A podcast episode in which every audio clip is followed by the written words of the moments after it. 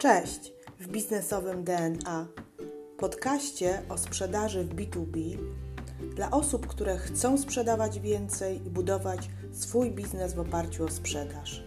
Nazywam się Ewa Piotrowska i w tym podcaście udzielę Ci praktycznych wskazówek z zakresu pozyskiwania klientów, prowadzenia procesu sprzedaży oraz zwiększania ilości klientów. Jeśli jesteś osobą, która lubi sprzedaż, a może masz potencjalnych klientów, którzy składają tylko obietnice, a może nie masz procesu sprzedaży lub strategii sprzedaży, to zapraszam Cię do słuchania tego podcastu. Zaczynamy.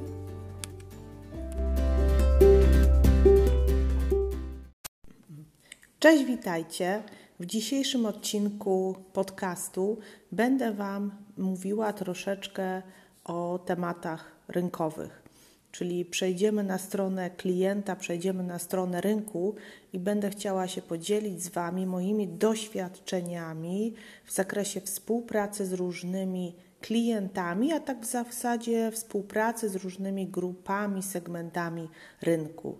No właśnie, dzisiaj będziemy mówić o segmentacji rynku, y, czyli o podziale rynku na różne segmenty, czyli na różne takie kawałki na każdym z tych kawałków y, możesz określić swoje grupy klientów.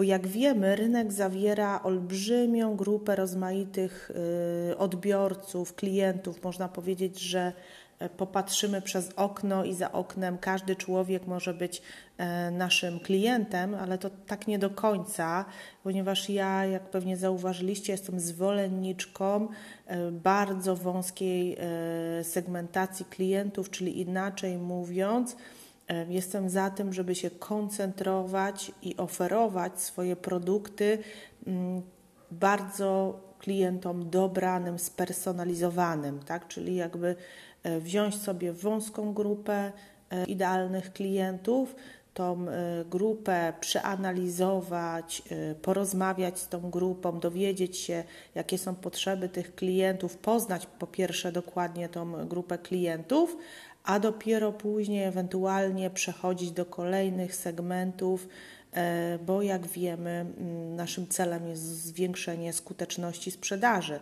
a skuteczność sprzedaży możemy zwiększyć poprzez dokładną i szczegółową segmentację rynku.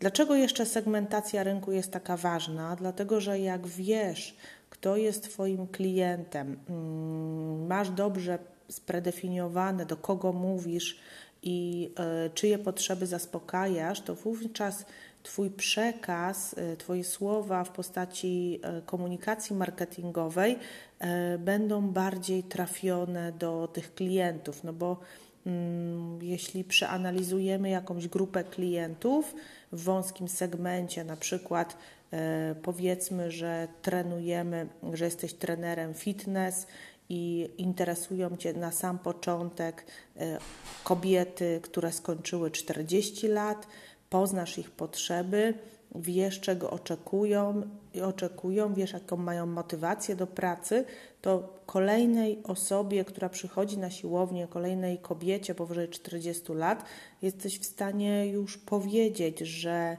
mm, indywidualnie dobrane na przykład ćwiczenia, i sposób ćwiczeń y, i odżywianie ma wpływ na to, czym na pewno Pani będzie zainteresowana, czyli uzyskanie lepszej sylwetki. Czyli niejako Ty powtarzasz słowa klienta.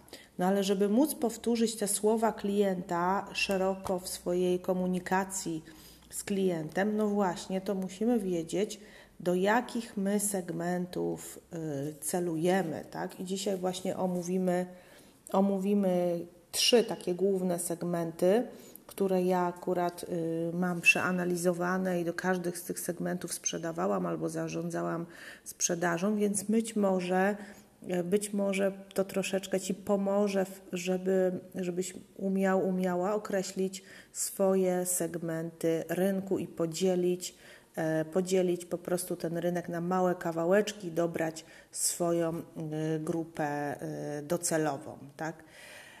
Dobrze, więc jakby dzisiaj chciałam porozmawiać o mm, trzech tak jak wspomniałam, takich, takich obszarach, tak? czyli rynku w kontekście firm, z którymi się spotykamy. Mała firma, średnia firma i duża firma, tak? Akurat tutaj e, mamy, mamy te trzy segmenty. Każda z tych firm, każda z tych firm jakby pod kątem potrzeb e, jest inna, dlatego warto, żeby przy segmentacji odpowiedzieć sobie na pytanie, do których firm swój produkt będziesz kierował, kierowała, tak? ponieważ in, inaczej inne potrzeby ma mała firma, inne potrzeby ma średnia, a jeszcze inne ma duża.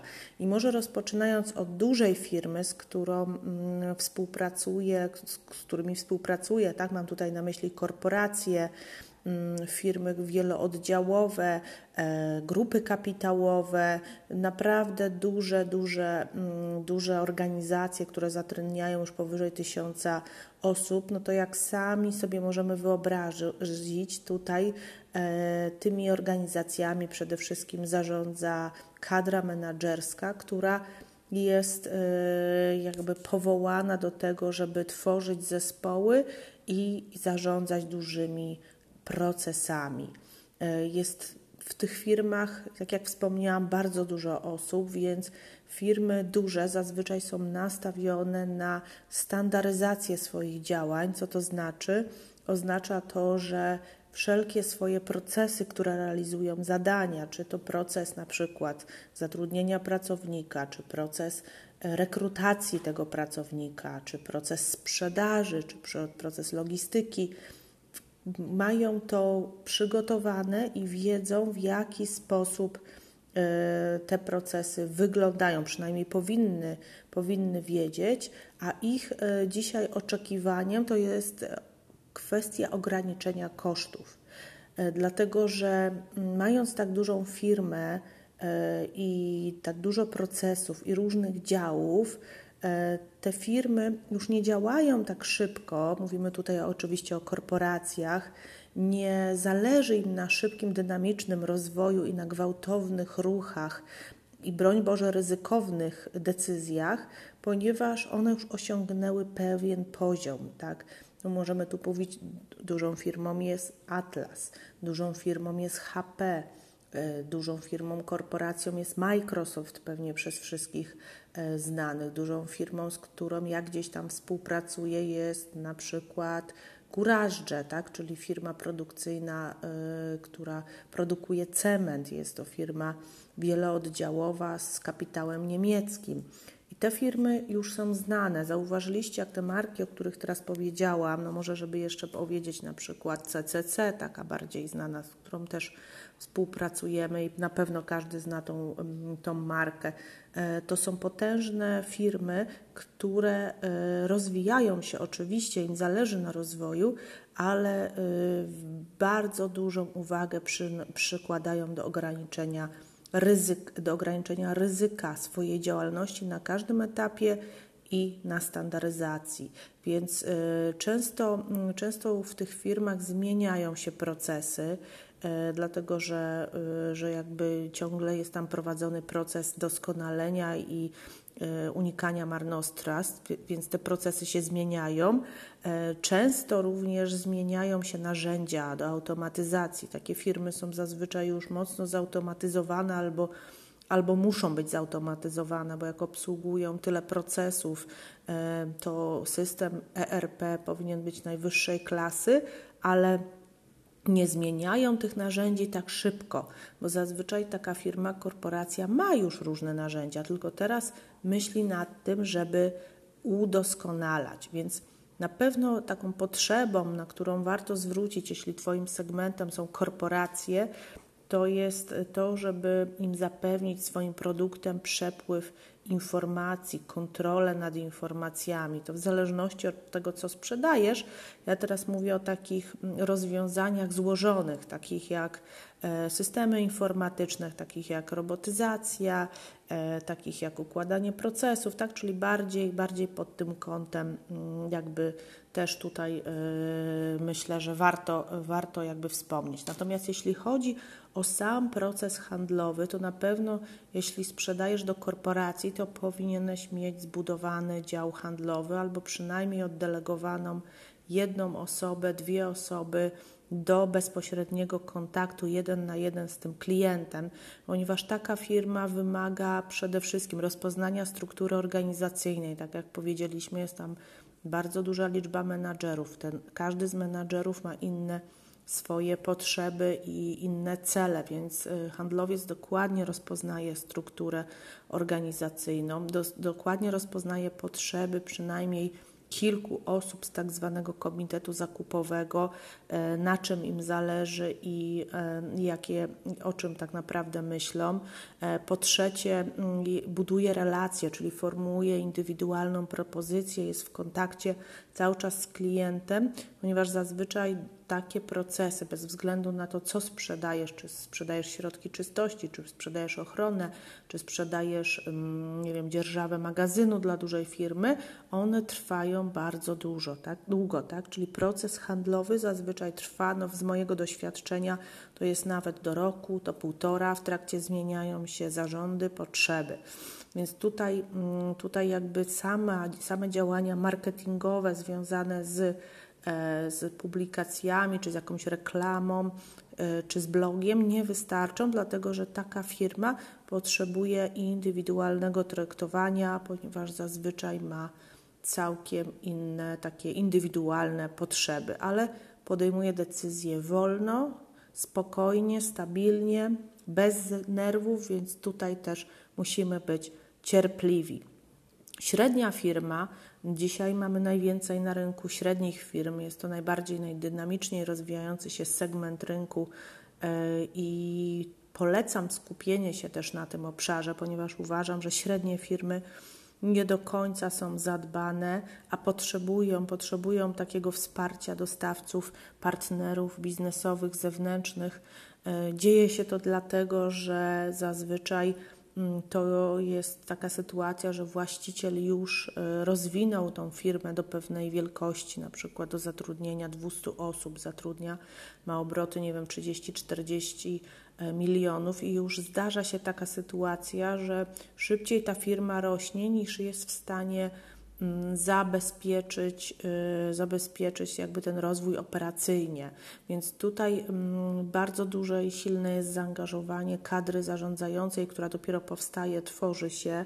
E, ona, ona jest nastawiona na rozwój tej firmy i potrzebuje e, potrzebuje naprawdę takich mocnych narzędzi do automatyzacji. Są to zazwyczaj pierwsze jakieś systemy narzędzia, układają procesy, tak, czy tą strukturę organizacyjną, y, zwiększa się wolumen na pewno zamówień i sprzedaży, bo skoro firma średnia rośnie, to, y, to ten wolumen sprzedaży się zmniejsza, zwiększa, więc warto sprawdzić, jaka jest sprzedaż rok do roku, mm, jaka jest ilość tych procesów, ilość dokumentów, tak żeby sobie, mm, sobie jakby jakiś obraz tej firmy tutaj wyłonić? I no, bardzo mocno taka średnia firma buduje swoją pozycję na rynku, czyli jej celem jest sprostać na pewno nowym oczekiwaniom swoich klientów, przed które, które są stawiane każdego dnia i dopiero jakby buduje ten proces kontaktu z klientem, proces pozyskiwania klienta, obsługi tego klienta, więc wszelkie działania, które my oferujemy do średnich firm, muszą być skoler, skolerowane niejako, czyli jakby połączone z tym, czego od firmy na przykład średniej produkcyjnej może oczekiwać ich klient, więc to trzeba mieć na uwadze, żeby dokładnie dowiedzieć się, co jest celem na najbliższe lata właściciela i plusem tutaj w kontakcie, jeśli jesteś handlowcem, jeśli jesteś przedsiębiorcą, jest to, że stosunkowo łatwo możesz dostać się do właściciela, do prezesa, e, ponieważ on zazwyczaj jeszcze kontroluje i zarządza e, całością firmy. I jeśli Twój pomysł na rozwój tej firmy jest, jest dla prezesa takim fajnym pomysłem, że tak powiem, to on jest w stanie wydać też pieniądze bez takiego planowania w budżecie, bo to, czego jeszcze nie wspomniałam, to w dużej firmie mm, są pewne, e, pewne zasady, których nie można tak łatwo złamać. Na przykład, no dzisiaj mamy y, sierpień 2020 i my przygotowujemy się jako firma, w której pracuję, przygotowujemy się do pierwszego budżetowania na rok 2021. Pierwsze budżetowanie to jest wrzesień, drugie budżetowanie październik, trzecie budżetowanie listopad. Czyli dzisiaj bez korekty mojego budżetu i bez zgody osób, które e, wydają mi zgodę na budżet, ja nie mogę w sumie nic kupić, nic zamówić tak po prostu e, z wolnej ręki, pomimo tego, że jesteśmy firmą prywatną. Więc korporacje bardzo mocno mm, są przywiązane do budżetów i menadżerowie w dużych firmach nie mogą, nie, nie, nie za bardzo jakby chcą też przekraczać ten budżet, więc e, jeśli słuchasz mnie w, li, e, w, sierpniu, a może jeszcze we wrześniu, to koniecznie Twoim zadaniem jako handlowca jest zabezpieczenie sobie budżetów w korporacjach na kolejny rok, czyli spowodowanie, żeby Twój projekt, który oferujesz, firma wpisała do budżetu na kolejny rok, więc budujesz relacje, no już stosunkowo teraz to za późno jest, bo to się zazwyczaj robi od y, czerwca, od maja, y, spotyka się, buduje relacje, pokazuje swoje rozwiązanie i przekonuje klienta do tego, żeby wpisał coś do budżetu, no ale jeszcze wszystko w Twoich rękach. Mm, nie wiem, jakie produkty oferujecie, różne są rozwiązania, być może jest coś na pilne, na teraz, więc, więc jakby może to wpisać e, menadżer, z którym rozmawiasz do, do, e, do budżetu. Czasami się to zdarza. Zdarza się tak oczywiście też w spółkach państwowych, bo kolejnym segmentem który tutaj wplatam, jest spółka właśnie państwowa czy prywatna, do której, do której sprzedawać. Sposób sprzedaży i sposób dotarcia do spółki państwowej z kapitałem mm, Skarbu Państwa, takie jak Orlen, takie jak KGHM, mm, takie jak Tauron, czy też typowo państwowe urzędy starostwa, e, jest całkiem inny niż sposób sprzedaży do spółki prywatnej, w której właściciel wyciąga swoje własne pieniądze lub dotuje się mm, dotacją z, mm, z, z Unii Europejskiej lub z, e, z jakiegoś projektu innowacyjnego, mm, w którym jakby też, e, też pozyskuje te pieniądze.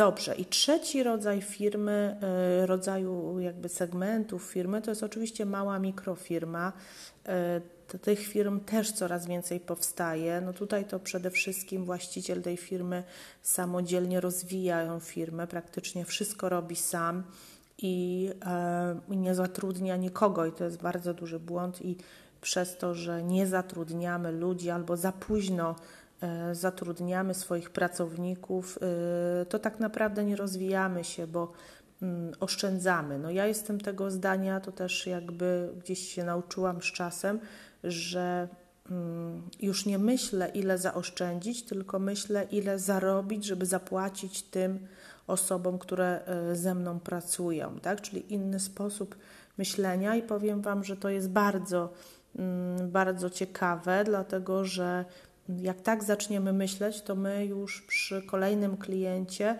wiemy, że musimy zapłacić, nie wiem, grafikowi, wiemy, że musimy zapłacić informatykowi, musimy zapłacić asystentowi, handlowcowi i, i wiemy, że mamy te osoby na utrzymaniu, czujemy odpowiedzialność, ale też wtedy inaczej będziemy tego klienta obsługiwać, inaczej będziemy do niego podchodzić. Nie będziemy się bać przede wszystkim y, mówić, ile to kosztuje, bo Pewnie w którymś podcaście również opowiem o tym, jak ja się bałam mówić o cenie klientowi, myśląc, że tego klienta nie stać, a ostatnio byłam świadkiem, kiedy ktoś mi zaoferował produkt dużo niżej. E, oczywiście z niego skorzystałam, ale wiem, że mogłabym za niego zapłacić dwa razy więcej. No, ta pani, która mi to oferowała, to praktycznie przepraszała, praktycznie, że taką kwotę musi mi powiedzieć, więc to też są pewne takie ograniczenia, które mamy w głowie i które wynikają przez to, że my tak myślimy, że to może być za dużo. Więc na, nawiązując dalej, bo troszeczkę zeszłam z tematem do małej firmy, Kolejno mała firma nie posiada procesów, nie posiada narzędzi lub posiada jakieś małe systemiki, a w zasadzie, jeśli jesteś małą firmą, obsługujecie biuro rachunkowe, biuro księgowe, które posiada swoje systemy online'owe, y, więc ty po prostu tylko masz y, system, część tego systemu i kontrolujesz, albo system do wystawiania faktur.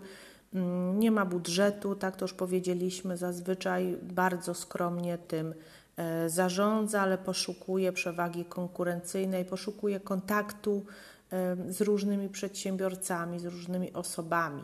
Sprzedaż do małej firmy, do mikrofirmy mm, jest sprzedażą bardzo często automatyczną, do czego zalecam, polecam, tak, czyli polecam bardzo silną komunikację poprzez marketing E, poprzez e, kanały społecznościowe, poprzez blogi, poprzez artykuły, poprzez jakieś wywiady, filmiki e, do wielu, dlatego że sprzedajesz do wielu i Twój koszt sprzedaży wtedy do mikrofirmy będzie dużo wyższy niż czas, który może poświęcić, więc Ty potrzebujesz tak naprawdę już sprzedać. No, Przykład może być właśnie, jak wspomniałam, w systemach e, ERP. Dużo lat pracowałam w tej branży i duże systemy ERP, duże systemy za miliony sprzedawał handlowiec, a małe systemiki właśnie do biur rachunkowych sprzedawały się same poprzez stronę internetową, poprzez kilka przycisków, które można wyklikać i E, i, i pozyskać takiego klienta. Więc tutaj większy marketing, mniejsza sprzedaż typowo jeden na jeden, w średniej firmie pół na pół, bo o tym nie powiedziałam, tak? Czyli jakby pół, pół, yy, pół swojego czasu przeznaczamy na marketing, a pół swojego czasu przeznaczamy na, na sprzedaż. W dużej firmie to już powiedziałam, że że na pewno, mm, na pewno, na pewno jeden na jeden. No i tak, to są właśnie te segmenty, natomiast to jest jeszcze za ogólnie, żeby naprawdę dopasować się do tego klienta i wiedzieć, co ten klient potrzebuje, to za mało jest wiedzieć, że jest to średnia firma. W ramach tej średniej firmy jeszcze należy się zastanowić, e, jakie średnie firmy nas interesują, czyli jeszcze wejść w głąb w tego segmentu. Nas interesują, e, mówię tutaj o tym, jakby co ja robię, w średnie firmy produkcyjne bardzo nas interesują, ale też nas interesują średnie firmy e, handlowe. Jeśli chodzi o średnie firmy produkcyjne, to idziemy w głąb i najczęściej jednak obsługiwaliśmy, czy też obsługujemy branżę automotive. Więc tutaj mamy bardzo dużo doświadczeń i na pewno to jest nasza, e, nasz, nasz już taki segment, czyli e, wchodząc, schodząc niżej e, średnie firmy, zastanów się jakie pod kątem branży ogólnie i pod kątem tak zwanej podbranży szczegółowo. Wymień kilka podbranż i zastanów się, co możesz dać tej podbranży, czego, czego nie daje Twoja konkurencja. Nas interesują również duże firmy, ale duże firmy to, to są wybrani klienci, czyli nie mamy wśród korporacji czegoś takiego, że to jest duża firma handlowa. E, tylko wybieramy sobie ze względu na to, że tych firm dużych jest stosunkowo niewiele i mamy dostęp do bazy korporacji, wybieramy sobie 20-20 najbardziej intratnych klientów z nazwy, tak? Czyli dajmy na to Żabka, Atlas. Możemy sobie, jakby tutaj podaję tylko przykłady, dobrać takich klientów, na którym chcesz się skupić. I to jest też segment. I wówczas Twój handlowiec ma w swojej opiece 20 głównych klientów, e, którymi się zajmuje imiennie i do nich sprzedaje, e, sprzedaje czy też dosprzedaje produkty, które, e, które są w Waszej ofercie. Jeśli natomiast przejdziemy do, mm, do, do, takiego, do takiej segmentacji jeszcze bardziej szczegółowej, to dalej idąc dalej, jak już mamy firmę i mamy branżę i mamy podbranżę, to mamy osobę w tej firmie.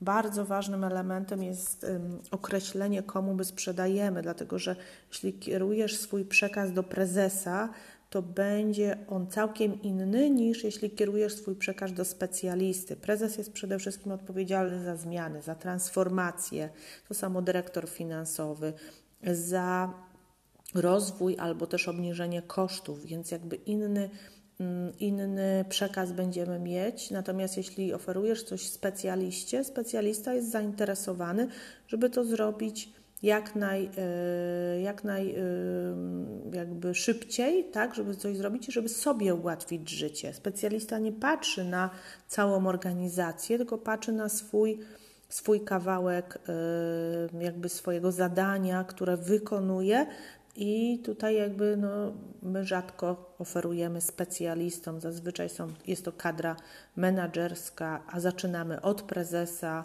jako od osoby, która ma wgląd w całą organizację i może wpisać nasz projekt wysoko.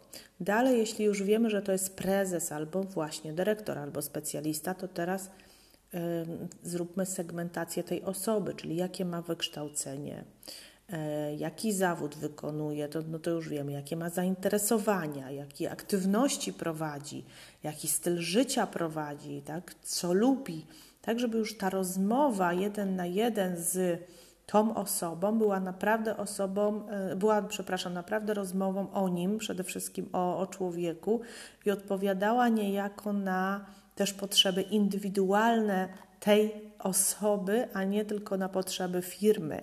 E, bo też można nawiązać, jeśli mm, taka osoba lubi aktywności takie jak narty, można nawiązać do tego, jak się jeździło ostatnio na nartach, e, co, co, co lubi taka osoba w nartach, tak? czy gdzie, gdzie korzysta z tych nart w Polsce, za granicą. Można nawiązać taką rozmowę, bo jak wiemy, no, relacje w biznesie są, e, są bardzo, są bardzo ważne. Dobrze, kochani, podsumowując, jakie, mm, jakie korzyści daje segmentacja? Ja tylko dzisiaj tutaj podałam e, przykłady, tak jak wspomniałam. Jeśli chcecie coś więcej się dowiedzieć, jak, jak e, zbudować i przeprowadzić taką segmentację rynku, to bardzo proszę, możecie się ze mną skontaktować mogę Wam więcej swoich jakby też doświadczeń e, jakby tutaj przedstawić. Ale teraz jakie, jakie korzyści, co, co daje segmentacja. Przede wszystkim segmentacja pozwala w krótszym czasie dotrzeć do klienta i w sposób bardziej opłacalny, dlatego że e, jak już wiemy do kogo, wiemy jakim językiem mówimy, to wiemy, jesteśmy praktycznie pewni, że ten klient y, kupi od nas, dlatego że znamy jego oczekiwania, znamy jego potrzeby. Więc y, segmentacja daje nam na pewno mniejszą liczbę klientów, może dać nam mniejszą, ale klientów wyżej marżowych niż gdybyśmy, gdybyśmy mieli celować w cały, y, w cały rynek. No i to w zasadzie jest tyle, jeśli chodzi o segmentację, to co nam daje. Łatwiej nam oczywiście też zbudować tą e, komunikację marketingową, czyli powiedzieć na przykład e, w jakiejś komunikacji, co Twoje rozwiązanie może dać klientowi. Tak? No, ostatnio e, budujemy, teraz budowaliśmy opis e, kampanii e, dla obszaru kadrowo-płacowego i znając już potrzeby dyrektorów finansowych, wiedząc, że chcą naliczać płace mm, w dwa dni, chcą zaoszczędzić czas pracy na procesie, na przykład do 30%, my już możemy to również zaadresować do innych klientów, y, jakby pokazując i y, wcelowując się w to, co, w to, co mówią po prostu nasz klient, z którym pracujemy. Dziękuję Wam bardzo. Czekam na opinię, jeśli chodzi o segmentację. I bardzo dziękuję, pozdrawiam i do usłyszenia. Do widzenia.